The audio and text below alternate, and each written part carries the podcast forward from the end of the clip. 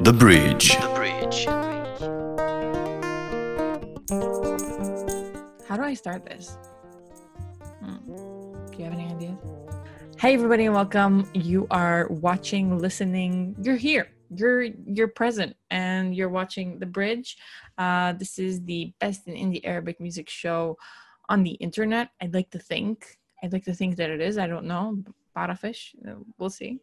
Um, my name is Ivan Saba, and I've been a radio host for the last eight years, um, dealing specifically and, and concentrating on indie Arabic music and its effect and the sounds and the different revolutions and just the all around greatness of this music scene that is so complex and so intense. And I just, I love it. I'm always surprised by it every other time. My connection to it is, of course, my identity. I'm Palestinian American. Um, I'm Arab. I'm Christian, and I live in Israel. It's weird. It's really complicated, and there's a lot going on. Um, but I feel like the music really connects me to everything to all of these complex feelings and helps me interpret it. And with that being said, um, the first episode of this podcast is going to sound pretty weird to you, but I've got uh, Ryan Milov Cordoba, aka Call Me Cordoba, uh, on the show today. He is an All American singer, producer, teacher, and PhD candidate living in Brooklyn, New York. And this guy just covers in Arabic you heard me right. Covers in Arabic. Now, my Arabic isn't great. I mean, it's okay. I mean, I get along. I speak to my parents. I make a lot of mistakes. But I would never think about covering music in Arabic.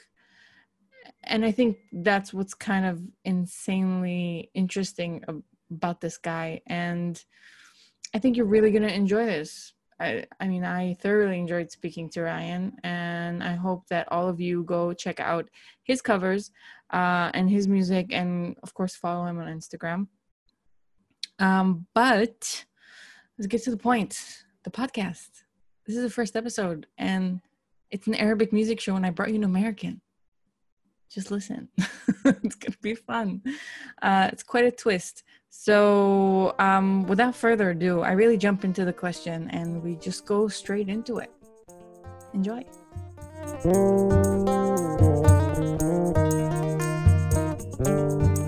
Uh, it's really funny how somebody who has completely no connection to the Middle East whatsoever kind of decides, okay, I'll start doing covers in Arabic. And it's like, I'm really curious about how that, that started. Like, how is that something that you know how do you like what's the process? Talk me through it. Yeah sure. Um i mean the process for each song is a little different but in terms of how it started overall uh i think it basically started on a trip. Um or this funny thing that happened on two trips. Uh i've gotten to do two kind of arabic intensives abroad. For one was eight weeks and one was five weeks. They were separated by years um, the first one was in Granada, actually, with a community of Moroccans, um, which is why the first uh, Amia that I started learning was Darija. Um, and from the beginning, uh, my teachers were showing me music. And I think that was just lucky.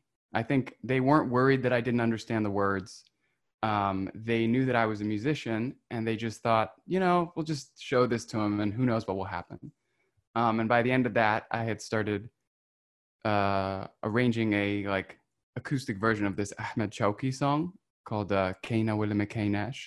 It's like a song about uh, I don't know the the problems of love in our day. And I remember my teacher, a man named uh, Nizar Limlahi, telling me like, you know, two months of Darija and you're singing. This is uh, you should consider, you know, noticing this and continuing. Um, and he was also a musician, so that was that was a nice way for us to connect.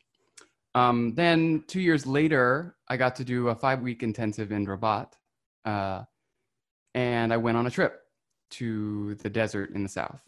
Um, there were the school. I was at a language center called uh, and they arranged weekend trips to various parts of Morocco.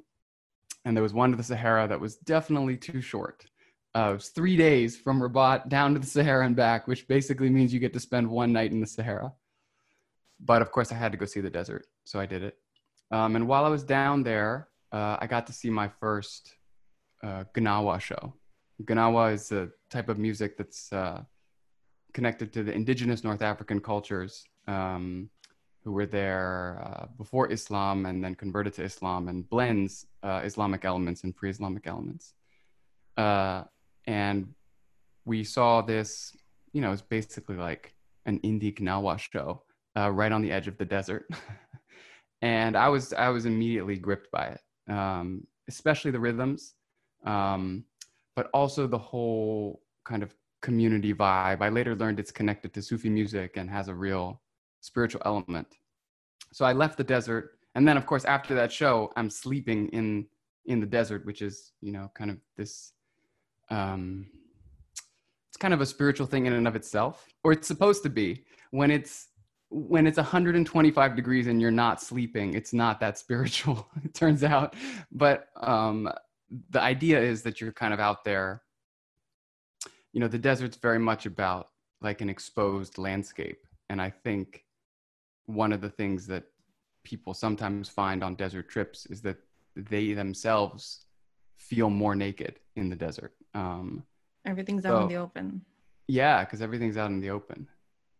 So anyway, that was part one, and that can, that's the connection to like an example of traditional Islamic music, right? Mm-hmm. Although in Morocco, I learned from my teachers that it's it's very popular uh, in Moroccan music to to blend Gnawa music with other forms usually of kind of independent uh, contemporary music. Mm-hmm. Then we're on a bus ride back um, uh, through a very different landscape. Um, uh, no longer desert, more urban, even a little bit of kind of green and mountains. And a song comes on the radio, and it's this song uh, called Zina, uh, which I had never heard before. Um, and he got to the chorus in the song, um, you know, Hey, Zina, ما درت فينا wa وقلبي and that was the first time that I uh, ever understood something. The first time I heard it in a song in Arabic, um, and I thought, well, I guess it's it's a little bit like when you realize something that you thought might be possible was actually going to be possible. Like I had learned enough Arabic that I could see that I could actually do this. I could do the thing that I had started to do two years ago, which was take a big step into Arabic language music. And so when I got back to Rabat, I put together a version of that just for the school, just to show them. I didn't re- record it or anything, but I mm-hmm. performed it for the school. And people really liked it and that stayed with me. I thought, wow, here at this language center, we have people from all over the world. It's not just Moroccans, but it's like people who've come to learn Arabic from all over the world. And something about seeing somebody who has no connection with this world learning this music resonates.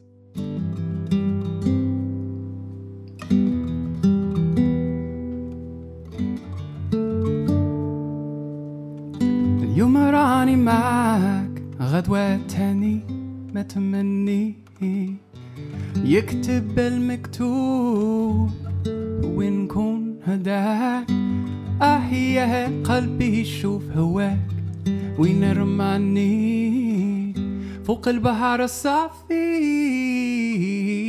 بمواج وداني معها تباري I mean, it's so. definitely something like that. Yeah.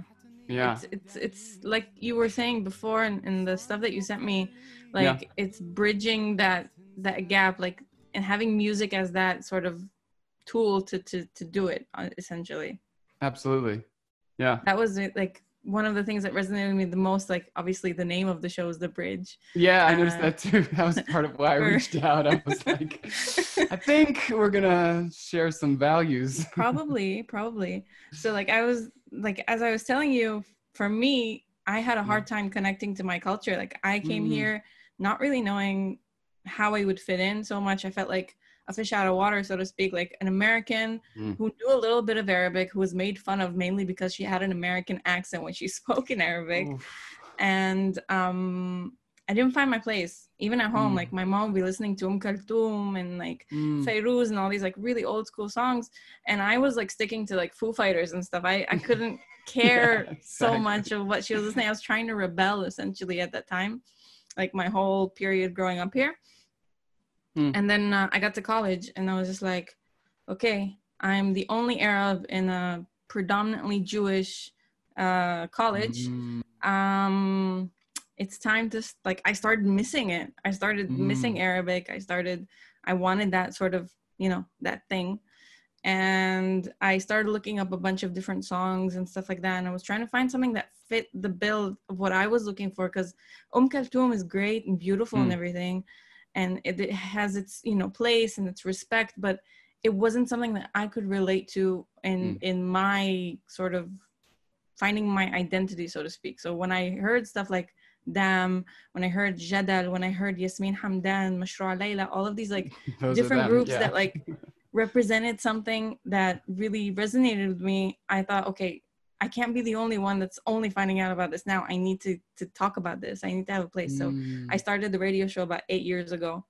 It's Wow. been running since, and like I'm I'm at a stage where playlists are nice and all, but I want to like kick it up a notch. So it's really great talking to you because I get these stories and like create this sort of like podcast of essentially highlighting these stories and highlighting the effect that this music has hmm. on people and not just arab people. I think it's something that really does create that connection with others. And like you were saying you found that place like quite literally through your journey. You went from like something that was more traditional and then slowly found your way through Zina. And I think that story is absolutely beautiful. And I think if the I don't know if you ever spoke to the guys uh, from Babylone, if they ever heard about this, but I think they would be so impressed because Mm. that song has been covered so many times and Yeah. so many languages in so many ways. And I don't think anyone has done what you did, which essentially like really put the respect that it Mm. requires because a lot of times people like they take different things and they sample songs and you know we see it a lot in mainstream music where people sort of Yeah, like yeah. sample things and they don't know the background of it but right. which is such an important thing when you're dealing with cultural um and oriental even like pieces of work Definitely. um was that something that you were kind of that kind of you know held you back or because you do it in a, in a very very respectful and authentic way you really Mm. keep the Oh, integrity of of the music there which is something that not a lot of people do um was that something that concerned you when you approached this sort of project or when you or did it just happen organically and you kept that in your mind I think it's a little bit of both. Um, the need to teach yourself about another culture as you engage with it is always on my mind um, because um,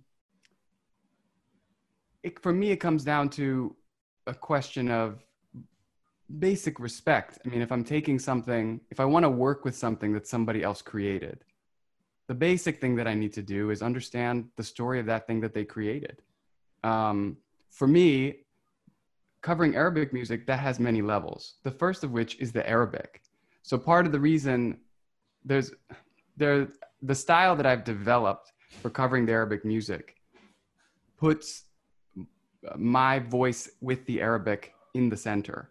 Not because it's the most important part, but because one of the most important parts of the work is trying to get the Arabic right, or as right as I can. I mean, I Yeah. know that it's not perfect, um, but even to let it let it be clear that it's not perfect is a part of the process, right? Because I'm not Arab, so I'm not hiding that I'm not Arab. I'm not hiding that I'm learning Arabic. Um, another level is both kind of in terms of i wish i could show you my desk right now. Uh, in terms of personality and in terms of training um, i have a research orientation. So uh, i'm in a phd program at the city university of new york Mhm. and uh, i have a few different cultures that i work with but one of them is, um, is the medieval islamic empire let's say. So i'm used to looking into things that aren't my culture. So for example when i'm covering uh, we could just say when I'm covering Brooklyn, uh, there's all kinds of research that I do into it before I put together the finished product, whether it's about how are they producing it in terms of the instrumentation, uh, what are the words referring to, and what do they say about the song. So, for example, just this, these. Uh, I thought this would be useful. Um, that as an example, um, I couldn't figure out a way to actually buy a hard copy of the album. Um, the music direct said it was no longer available, and I actually only discovered DAM after Corona. So delivery services, especially yeah. international, were offline. I wanted to read the liner notes. I wanted to read what they said about their songs. Mm-hmm. Um, so I did manage to find them. And what they said about Brooklyn was the following They said, This spoken word is about finding yourself regardless of where you are located. It is a story about Suhail, who decides to leave Palestine and move to New York. Soon enough, he finds himself creating his career and tying the knot with his love in a place so far away from home. And I thought, okay, this is them talking about it. So this is the frame that I can use to build my interpretation of it.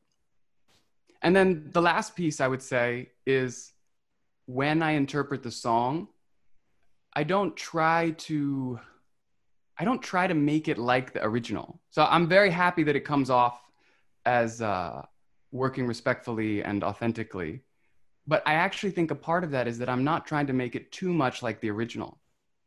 Uh, this came up in a big way in covering Brooklyn because Brooklyn is such a personal story, right? He's telling such a personal story, and if I just say his words, it's weird because that I didn't. That's not my story, you yeah. know. So the central challenge of the interpretation was, how do I tell his story in a way that it's also clear that I'm telling it? Does that make sense? And mm-hmm. that it's clear why I'm telling it. Now, those were the kind of goals I went into this with.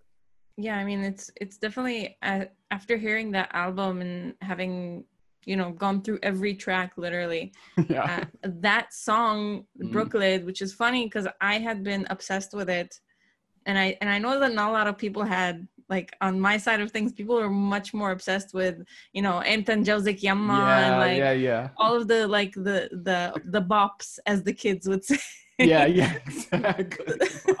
the songs that are that are like a lot more popular, I guess. But for me, Brooklyn is, as you said, it's such a personal story. It's something that I like wholeheartedly related to as somebody who did the opposite of what he did.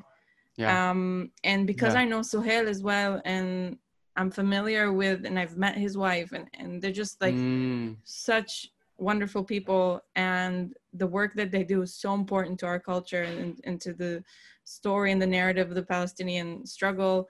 Um, culturally, they they needed like it was such a, heartfelt story, and I didn't think it mm. received the the um, the respect or or the um I don't know how to even say it like the the admiration it deserved at least. And for you to do that cover was so like I was like, wow, this guy doesn't even speak Arabic and he knows exactly how I'm feeling about this song. Somebody who understands me. oh wow. I'm so glad. Yeah. So it's funny. Um I had a similar experience discovering Brooklyn. Um so I remember I discovered DAM in March. Uh, I was talking to a friend of mine who was on the Rabat trip with me about getting expanding uh, my knowledge of Arabic language music, and she was like, you know, the band that I'm just listening to over and over and over again all the time is DAM. Have you checked them out? And I was like, no. So I pulled up Ben Hano and Mana and I just started listening from the beginning. Um, and I was immediately like, first of all, just smiling. Like those bops are so fun. And it's, it's, it's, as a musician, um, you know, as somebody who produces music, I really, to, to generate a sound that's so immediately, I showed it to my undergraduates at Hunter College. I was like, do you guys know about DAM? and I played 10 seconds and they were like, where do we find their music? I mean, 10 seconds of Imtim Jauzig Yamma. Yeah, yeah, which, yeah. Yeah, yeah. It's a hit. Um,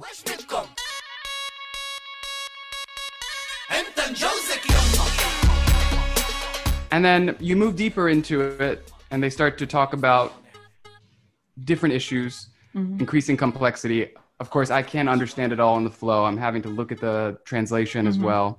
And then Brooklyn happens and it's just quiet suddenly there's quiet in a way that there isn't on the album. And that is what got my attention. You know, I was like, why did they just quiet down? Um, and the name of the song was Brooklyn. Uh, and I was like, this is the song that I need to look at closely. This will be my way into this album. الصور اللي الهيت رتبتهم بالشنطة.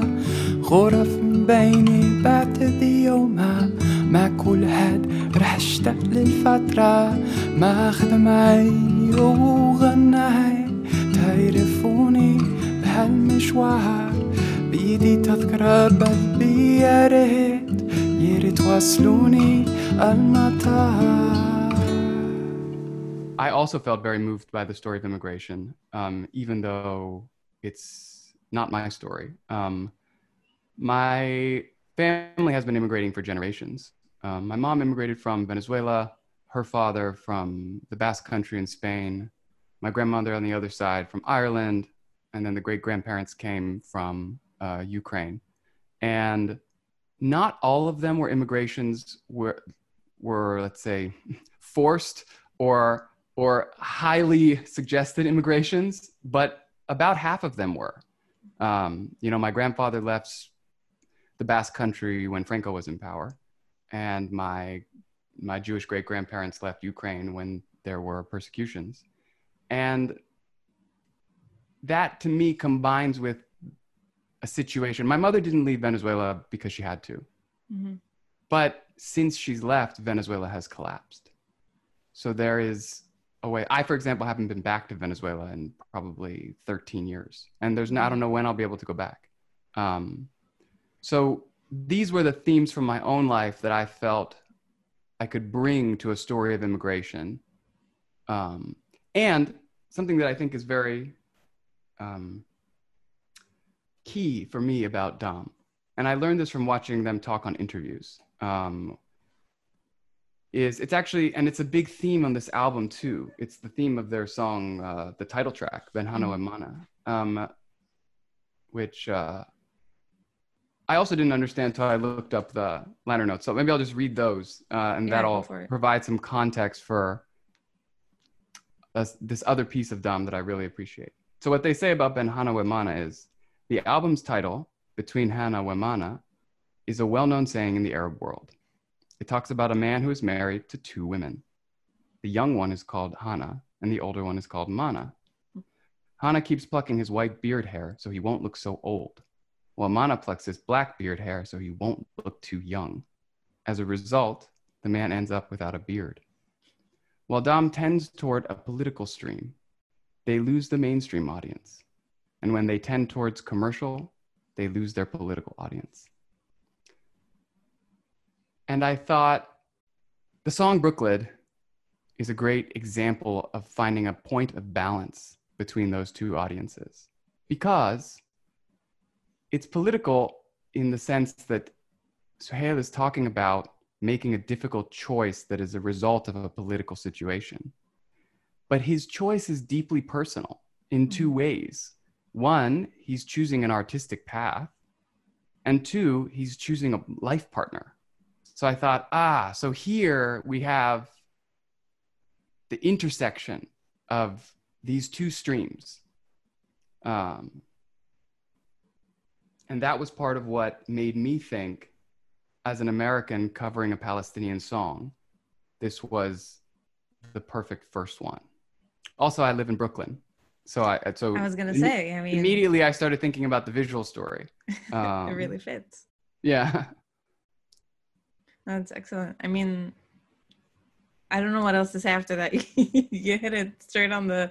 And I think, like you said, like this album, Ben Hanna Wamana, was like, it's like neither here nor there. They talk about everything and how they don't fit in all these different places, and it's so heard in throughout the songs, whether they're, you know, like even in Amtan Josek Yamma, which is something that's supposed to be like really funny and kind of a play on the whole saying that uh, I hear almost on the daily Yeah. uh, yeah. not from my parents, but in general, like from uh, relatives and stuff. Being a single woman and a Palestinian single woman, it's like it's one of those things where I constantly hear all the time, and it gets really annoying. Um, but it's like it's gone to a point where people are playing it at their weddings. Like I've the irony that. of that Yeah. is It just so.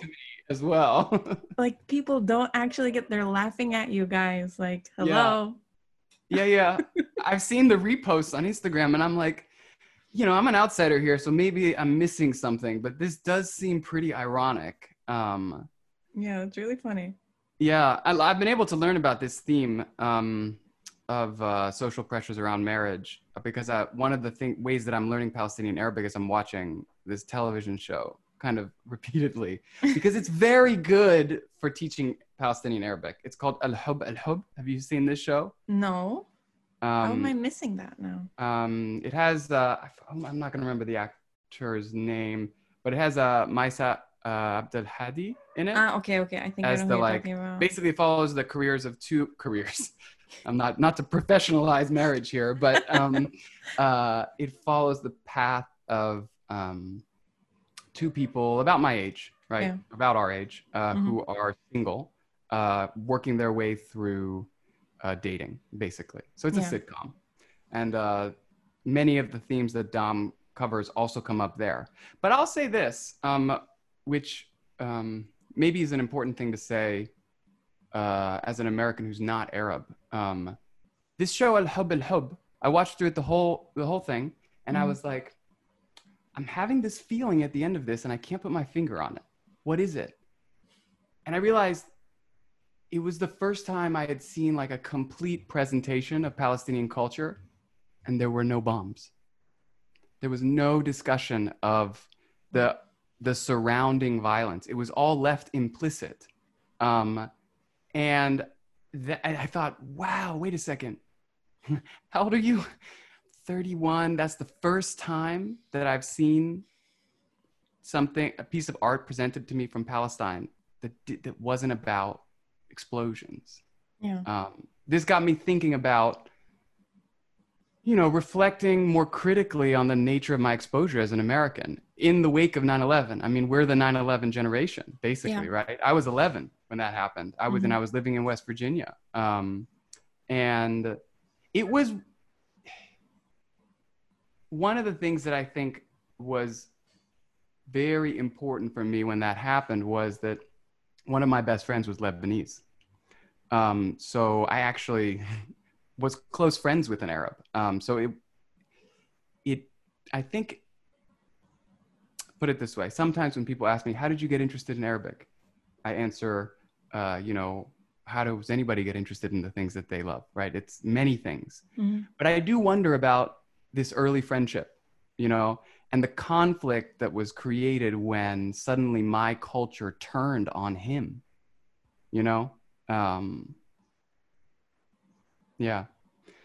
Um, yeah, it's um, definitely something that um, it's so, for me, I'm really like kind of in awe of what you're saying because not a lot of mm. Americans would say that sort of thing. Mm.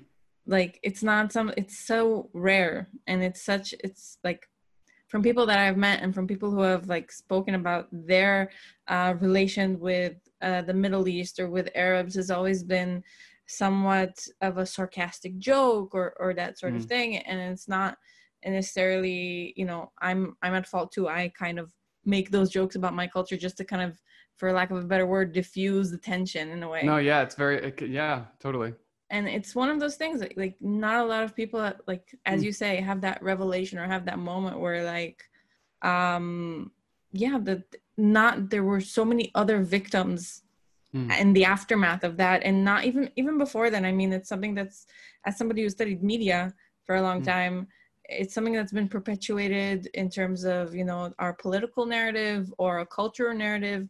It's always been something that's been seen in a negative connotation. And like you said when you see it in the fir- first and foremost as something that's you know a normal person where the the the political aspect is just background noise yeah. um it's something that doesn't quite like you don't notice it because it's just hey they're just like everybody else. They're dealing with things that everybody else deals with and we kind of forget that for a second. They're human. Yeah yeah yeah. Um and i think when you realize that something like that has been true in your own life you realize that oh there there's been a huge gap here in my life. It's very motivating suddenly you're like, uh, it's time to catch up on this. Like, I need to learn more. I need I, what other cultures have been hidden from me. You know? Yeah. Um, I think that's such an important thing, especially now in this time where we're experiencing like you know the black lives matter movement where a lot of people have felt like the same thing they have expressed the same kind of uh like oh, we didn't know this was going on even though Mm. it was right in our faces the whole time um and sort of like all these different revelations that are happening. And and i think it's so important that you're taking the time you know to, to really highlight that in your in your music and in the way that you're doing it. Um speaking of which hmm. gonna like all of this started obviously from music our deep deep discussion of Yeah, like yeah. all of these cultural things. And it really drives from that source where where is the music. And um you know you seem to have covered a bunch of songs that i love it's like we have very much the same sort of taste let's say yeah, yeah, yeah. um is there like obviously you're probably i'm assuming i don't know correct me if i'm wrong but you're probably working on some other songs as well yeah, yeah. I have a, um, I have kind of a short list I'm working with, um, for sure. yeah so it's Uh, probably quite a process It is. they take Um, especially because what happened was I switched uh, in about June from just posting, focusing on posting small experimental clips to Mhm. planning bigger projects. yeah You know, like doing a short cover of Shui uh, versus like making the Brooklyn video. Like the Brooklyn video takes, you know, it takes months to make a video like that. Um, but uh, I feel that I have enough of, a, it's not big, but I have enough of an audience that I'm not so concerned about like constantly putting stuff up. I want to make stuff that's substantive, you know, I want to go deeper. So I have four other songs that I'd like to do um, from artists that I love. Um, and I'm kind of moving uh, through countries in, in North Africa and the Middle East. Uh, so I have a couple of songs. I might do two. We'll see. At least one song from Morocco, um, a song by a Tunisian artist, uh, Sabri Mosbah, who I really love. Um, that is probably the next one that I'm going to do. Uh, and if I, I think this might be a moment to point something out that I think has been maybe implicit in our a lot of our conversation, which is has to do with you saying we seem to have a similar taste. First of all, I think that's true. Um, second of all, I think there's a deeper thing there, which it which is a part of what I'm thinking about as I cover these songs. So, why do I choose the songs that I choose? Uh, the artists that you've named, right? Uh, whether it's DAM mixing hip hop and Arabic, or Jadal rock and Arabic, or Yasmin Hamdan electronic music and Arabic, these are artists who are already bridging things. What I've learned by starting to listen to their music and also starting to listen to their their fans, who some of whom find me and start telling me they like what I'm doing, and I ask them why, is that, or this is what I've started to think. There's a whole group of people, let's say in our generation, but also some in the generation above us, and maybe some in the generation that's coming. Um, I mean, I know you guys are here, Gen Z. I'm not saying you haven't arrived, but you know. Um, who, and there's a generation of people in my country about which two things are true. One, we actually share a lot of tastes already. We share a lot of tastes and we share values already. And we don't know it yet. This is what I realized through this project. Especially when I start to see how boldly a group like DAM takes on the challenging issues of the day that we're also taking on here, you know, whether it's feminism or whether it's human rights, including LGBT rights, um, or whether it's the complexity uh, of defining an artistic identity in the context of oppression, you know?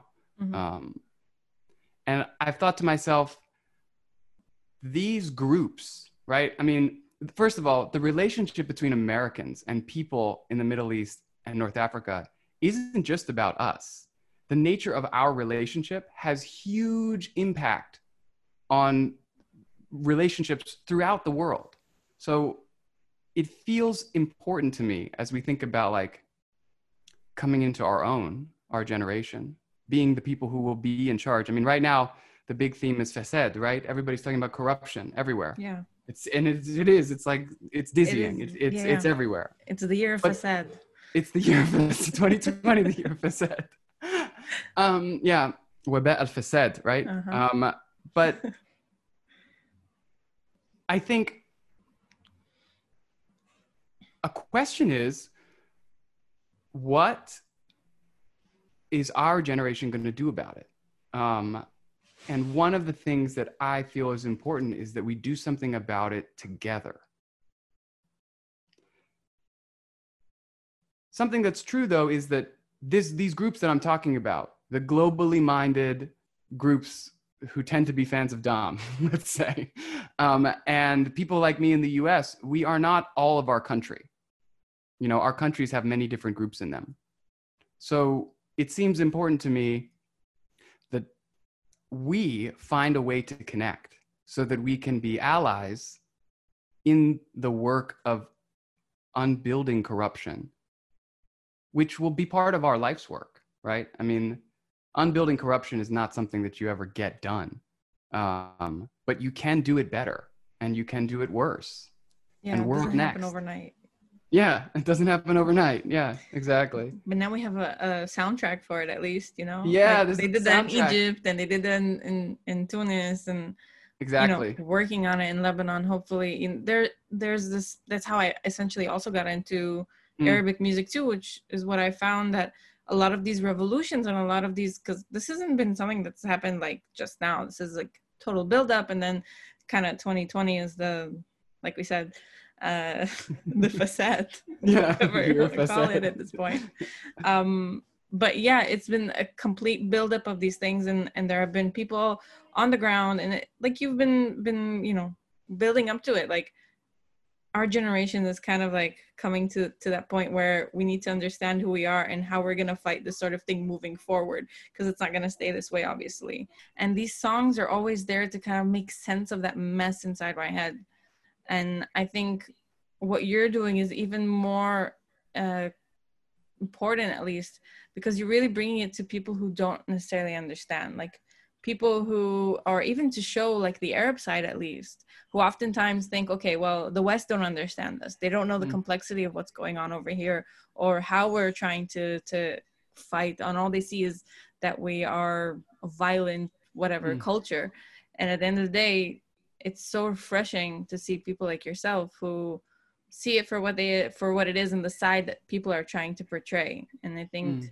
it really ties in what you were saying before. Um it's such an like music and then stuff it seems like such a like i don't even know how to like something we do for leisure something that that's fun ends up being such an important tool for communication. And for these I- complex stories I absolutely think so. And it makes me think of this interview I saw um, with Tamer Nafar, uh, which brought up for me the fact I think part of why it's so able to connect us is that even though we are divided or differentiated by very different situations, there's something universal happening. There's something that if you can get to it, you'll realize you share. There was an interview with Tamer Nafar, I think it was CNN maybe, I believe he was talking in general about trying to get um, Palestinians with Israeli citizenship to vote, basically, trying to get them out to the Mhm. polls. Um, and uh, that was the overall interview. But then he said something towards the end where they asked the more personal question. I don't remember what it was.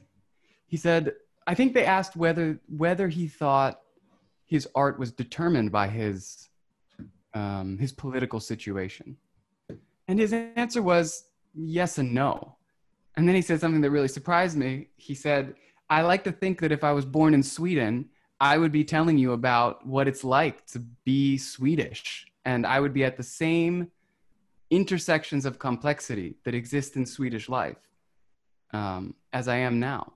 And I thought, yeah, it actually reminded me uh, of an essay that I like uh, by James Baldwin. Um, and I know that DAM, they're big readers. They're posting Mhm. stuff that they read all, Yeah, the time. all the time So actually, I, pu- I, I looked it up. There's this passage.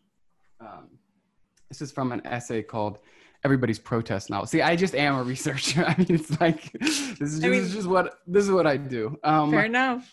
um, so this is an essay called "Everybody's Protest Novel," um, where Baldwin is talking about protest music uh, in uh, or protest uh, literature in America, and he makes a more general comment about um, about art. He says. We have, as it seems to me, in this most mechanical and interlocking of civilizations, attempted to lop the human being down to the status of a time saving invention. He is not, after all, merely a member of a society or a group, or a deplorable conundrum to be explained by science. He is, and how old fashioned the words sound, something more than that, something resolutely indefinable, unpredictable. In overlooking, denying, evading his complexity, which is nothing more than the disquieting complexity of ourselves, we are diminished and we perish. Only within this web of ambiguity, paradox, this hunger, danger, darkness, can we find at once ourselves and the power that will free us from ourselves. It is this power of revelation which is the business of the novelist, says Baldwin, but I think the same can be said of music. And I think it's already true of DAM's music. That's for And sure. I that's- mean, Yeah. That's my interpretation of Tamer Nafar saying if I was born in Sweden, I would you, you better believe I would be the Swedish rapper telling you about life in Sweden. his issues. I mean, I think if uh, something to be said about Tamel, he really does know how to sort of hit the nail on the head, so to speak. Like he really Yeah. gets it in a way Yeah. that I don't think anybody has. like every time I try to say things, even now, like I can think of references to his songs where he would say it just exactly the way it should be, and I'm just gonna be fumbling here with my words. And I think the thing that he's talking about is like essentially our identity as Palestinians, as Arabs, is so politicized that a lot of the times people miss completely the fact that you know we're dealing with social issues just like everybody else on this planet and everyone else. And the simple fact of like going to vote uh, over here is such a big issue. And for him to kind of step out and be like, "Hey, you guys should go vote. This is our civic duty. It's an important thing to do." Um, he got a lot of backlash from that. I noticed Um, that. yeah, which was I didn't get it obviously, but I kind of understand where people are coming from at the same time living here and being one of the, you know, having to deal with this sort of uh this sort of corruption that's also happening here a lot of the times where we're not represented in our governments and we're not you know our voice isn't being heard as as prominently as that of our uh, jewish counterparts. I mean it's it's a reality that not a lot of people uh, want to face or want to talk about. And even me saying that which is a fact which is something that a lot of times can be misconstrued as political. And i don't think it's political at all. I think a lot of time people just forget the fact that we are also people with a culture and a narrative and people take advantage of that a lot of the time and sort of shift it to the politics which is something that's happening all over the world and Yeah. that in of itself you think would connect people but it doesn't Yeah, because those political narratives are inevitably oversimplified, and connection happens in details. This is what I think. Mhm. Um, this came up in a big way in uh, one of the most challenging aspects of Brooklyn, which was translating it. Um, because um, originally I wasn't going to translate it. I was just going to throw it up there, no subtitles. But I was part one. I um, I worked with a local Palestinian American restaurant, and uh, one of the members of that community uh, co-directed with me the the scene at Zaytoons. Um, uh, the scene involving the makhluba and uh, the kind of dance. Yeah. So uh, in getting to know him more, you know, he's a Palestinian American. I realized, oh, if I don't put subtitles, there are going to be a lot of Palestinian Americans who don't know what's being said, because I can't assume that everybody speaks Arabic, um, and it's not going to reach Americans, right, who don't speak Arabic. So I thought, okay, I didn't. I need to translate this. I went to DAM's website. I looked at the translation they have there. Uh, it's fine, but I was worried that if I just used that translation, people number one wouldn't recognize that it's poetry, right? Because in Arabic, it's very poetic. I didn't feel that the translation, it was more of a prose translation uh, on the website.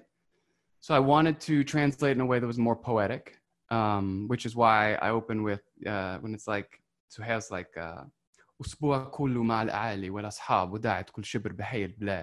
and my translation of that is all week long with me and mine, it's long goodbyes in Palestine. Um, because I want people to feel the way those two lines are woven together by the idea of length and distance, because this is a theme that comes up in the song. So there were poetic challenges like that one, but the biggest challenge was not the Arabic in the translation. It was how to find the point of balance in translating the lines that could be construed as the most political. And there are two of them in the song. Uh, it's when he's talking about uh, the situation that his wife uh, Jackie's in, who you've met. So you know it's cool that you know the people yeah. involved. Yeah, yeah, So the line in the song is um, "Mustahil ya'tuha right? Um, and it's not a difficult line in Arabic. Uh, we could we could translate it as you know, there's no way they'll give her citizenship. But what I was worried about was the they, because when you translate something you have to pick an audience right? And my the audience i have in mind is americans in the middle. But anyway what i mm-hmm. was worried about with the, this line uh, mustahil yatu hejensia was that if i translated as they will never give her citizenship it would be very easy to spin what suhail is saying there as a kind of like predictable anti-israel statement from a palestinian. The they the they right? And I thought that doesn't work because he's telling a specific story. And so if I let it hang vaguely like that, a certain number of people will just hear it wrong, you know, on my interpretation. So what I ha- what did I have to do? Well, I had to try to figure out what he was referring to, right? Mhm. Why can why is it that Jackie can't get citizenship? Mhm. I knew that uh, the members of DAM were uh, Israeli citizens. So I had that as a starting place. So I started researching Israeli marriage law regarding Palestinians. And I was Mhm. like, what is the situation here? And it turns out there's a specific law since, you know, that was passed shortly after 9 11, 2003, that creates this painful exception um, uh, for Palestinians, um, which is that if you are a Palestinian with Israeli citizenship and you marry somebody who's Palestinian and doesn't have Israeli citizenship, they won't be given citizenship or residency. Um, and you know, originally the idea was there's all kinds of ideas why they did that, but originally it was supposed to be a temporary law. Well, Suhail's trying to get married more recently and it's still there. And so I started looking at if there were other testimonies of this, and there is another testimony of this on the internet by this woman who calls herself Um Forat. She is an American Israeli uh, woman who married a Palestinian man. And she blogs about what that's like. And one of the blog posts is about trying to, it's about the fact that he can't get residency or citizenship. And so she applies for emergency humanitarian exception. And it takes years to be processed. And she narrates the process. And the exception is temporary. So she throws up her hands like Suhail and she says, There's no real option here, right? We can't this is a true wall. So when thinking about the translation, mustahil ya'tuha jinsiyya, I decided it would be better to be concrete. And so I said, a law denies her citizenship. Because Americans are, we care about laws that deny things. we don't, we don't, we don't like that. That's actually something that a lot of Americans share is we don't, and, and in particular, we care about marriage laws right? Um, we are familiar with fighting legal battles around marriage laws. So I thought, okay, Mhm. what I hope will happen is if I translate this as a law denies her citizenship, some Americans will say, which law? And then they'll go look it up and Yeah. then they'll know something concrete. Mhm. Um, so that was a, to me, that's an example of trying to, you have to be artistic even about managing finding the point of balance between the political and the personal. Because if you get swept into the predictable political complaints on either side, you get lost.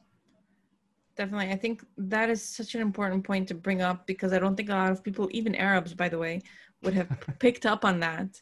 Like, as you're saying that now, I'm just like, what how did I not see that? And it's such an important thing because I know people like Jackie and Suhail, like they're they're not just one story that kind of blends into sort of you know fabric of things, but there are so many people that are dealing with these issues.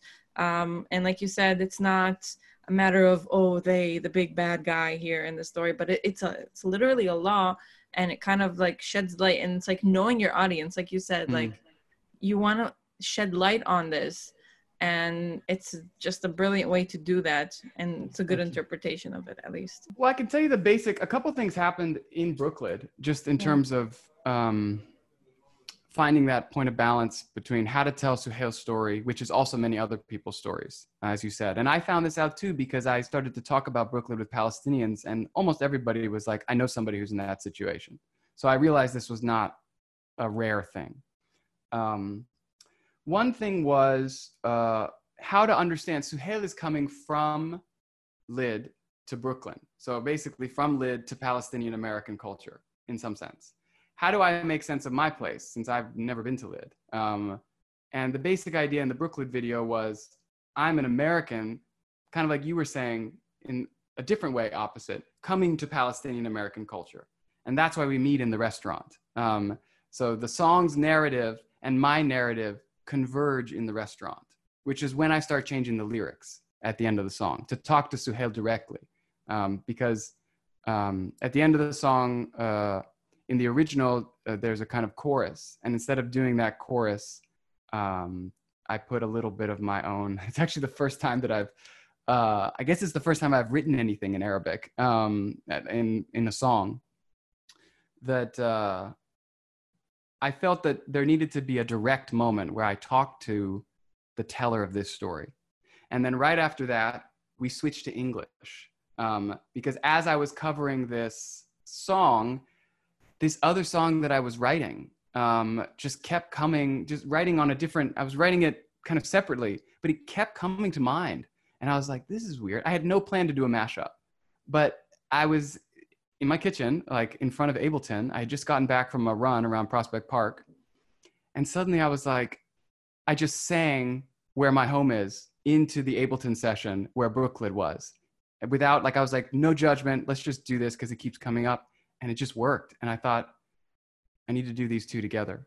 The themes are together, uh, the, the stories are connected. And so that is how I got from finishing Suhail's story about arriving uh, arriving in Brooklyn to an Americana song about where one's home is. Because writing that song was inspired by Brooklyn, right? It was inspired yeah. in, in, particular by that line, Beiti Hu Kon, right? Where he's talking, which is such a bittersweet line in the original song. Mm-hmm. To me, it's like, it's a real moment of growth and expansion, right?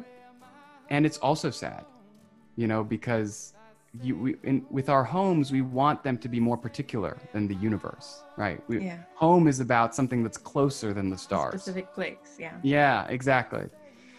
Um, so that was how that happened. It was really, I felt that line of Suhail's go in very deep, and then I started writing this other song that I thought was separate, but then it, was, it turned out to be part of this this song. And it, it presented another challenge around translation because that we switched to English. And then I thought, well, if I'm going to be subtitling this whole thing when I'm singing Arabic and English, if I switch to English, I need to switch the subtitles to Arabic. like that's, that's, if we're going to talk about bridging, like there's no excuse for doing that. So then, as you know, translating into a language that you're learning is harder than translating from a language to your own language. Mm-hmm. So I wanted to translate this line. Um, if I say home is, you say where my home is. Uh, and what I immediately noticed about it is this kind of call and response. If I say home is, you say where my home is. This is a part of uh, many American musical traditions. Uh, it's kind of like if the image of it is uh, somebody's on stage. If I say home is, you say where my home is, right? It's call and response. But if you translate that literally into Arabic, you lose it because in that musical context, if I say home is, you say where my home is, we're all imagining a third audience that we're telling that to. Does that make sense? That's what's going on there. So it's not about you telling me the thing that I just said. It's about us together saying it to somebody else, which is why in the Arabic, I, I wanted to use the, the third person, right? In sa'alukum an baytna. Kulu baytna haythuma kunna. Because it's a question of telling somebody else, right? If they ask you about our home, tell them our home is where, and here I love the ambiguity of the way conditions work in Arabic. It worked really well. Kunna, I mean, because with haythuma, it could be, you know, home is wherever we are, but it's also wherever we were, which has a certain resonance when we're talking about people having to leave their homes. Yeah. You know, mm-hmm. and it was amidst all of this, you know, people were holding up signs. You know, I think it was maybe uh, Sarkhet Ahlam. I think it was during those protests. Yeah.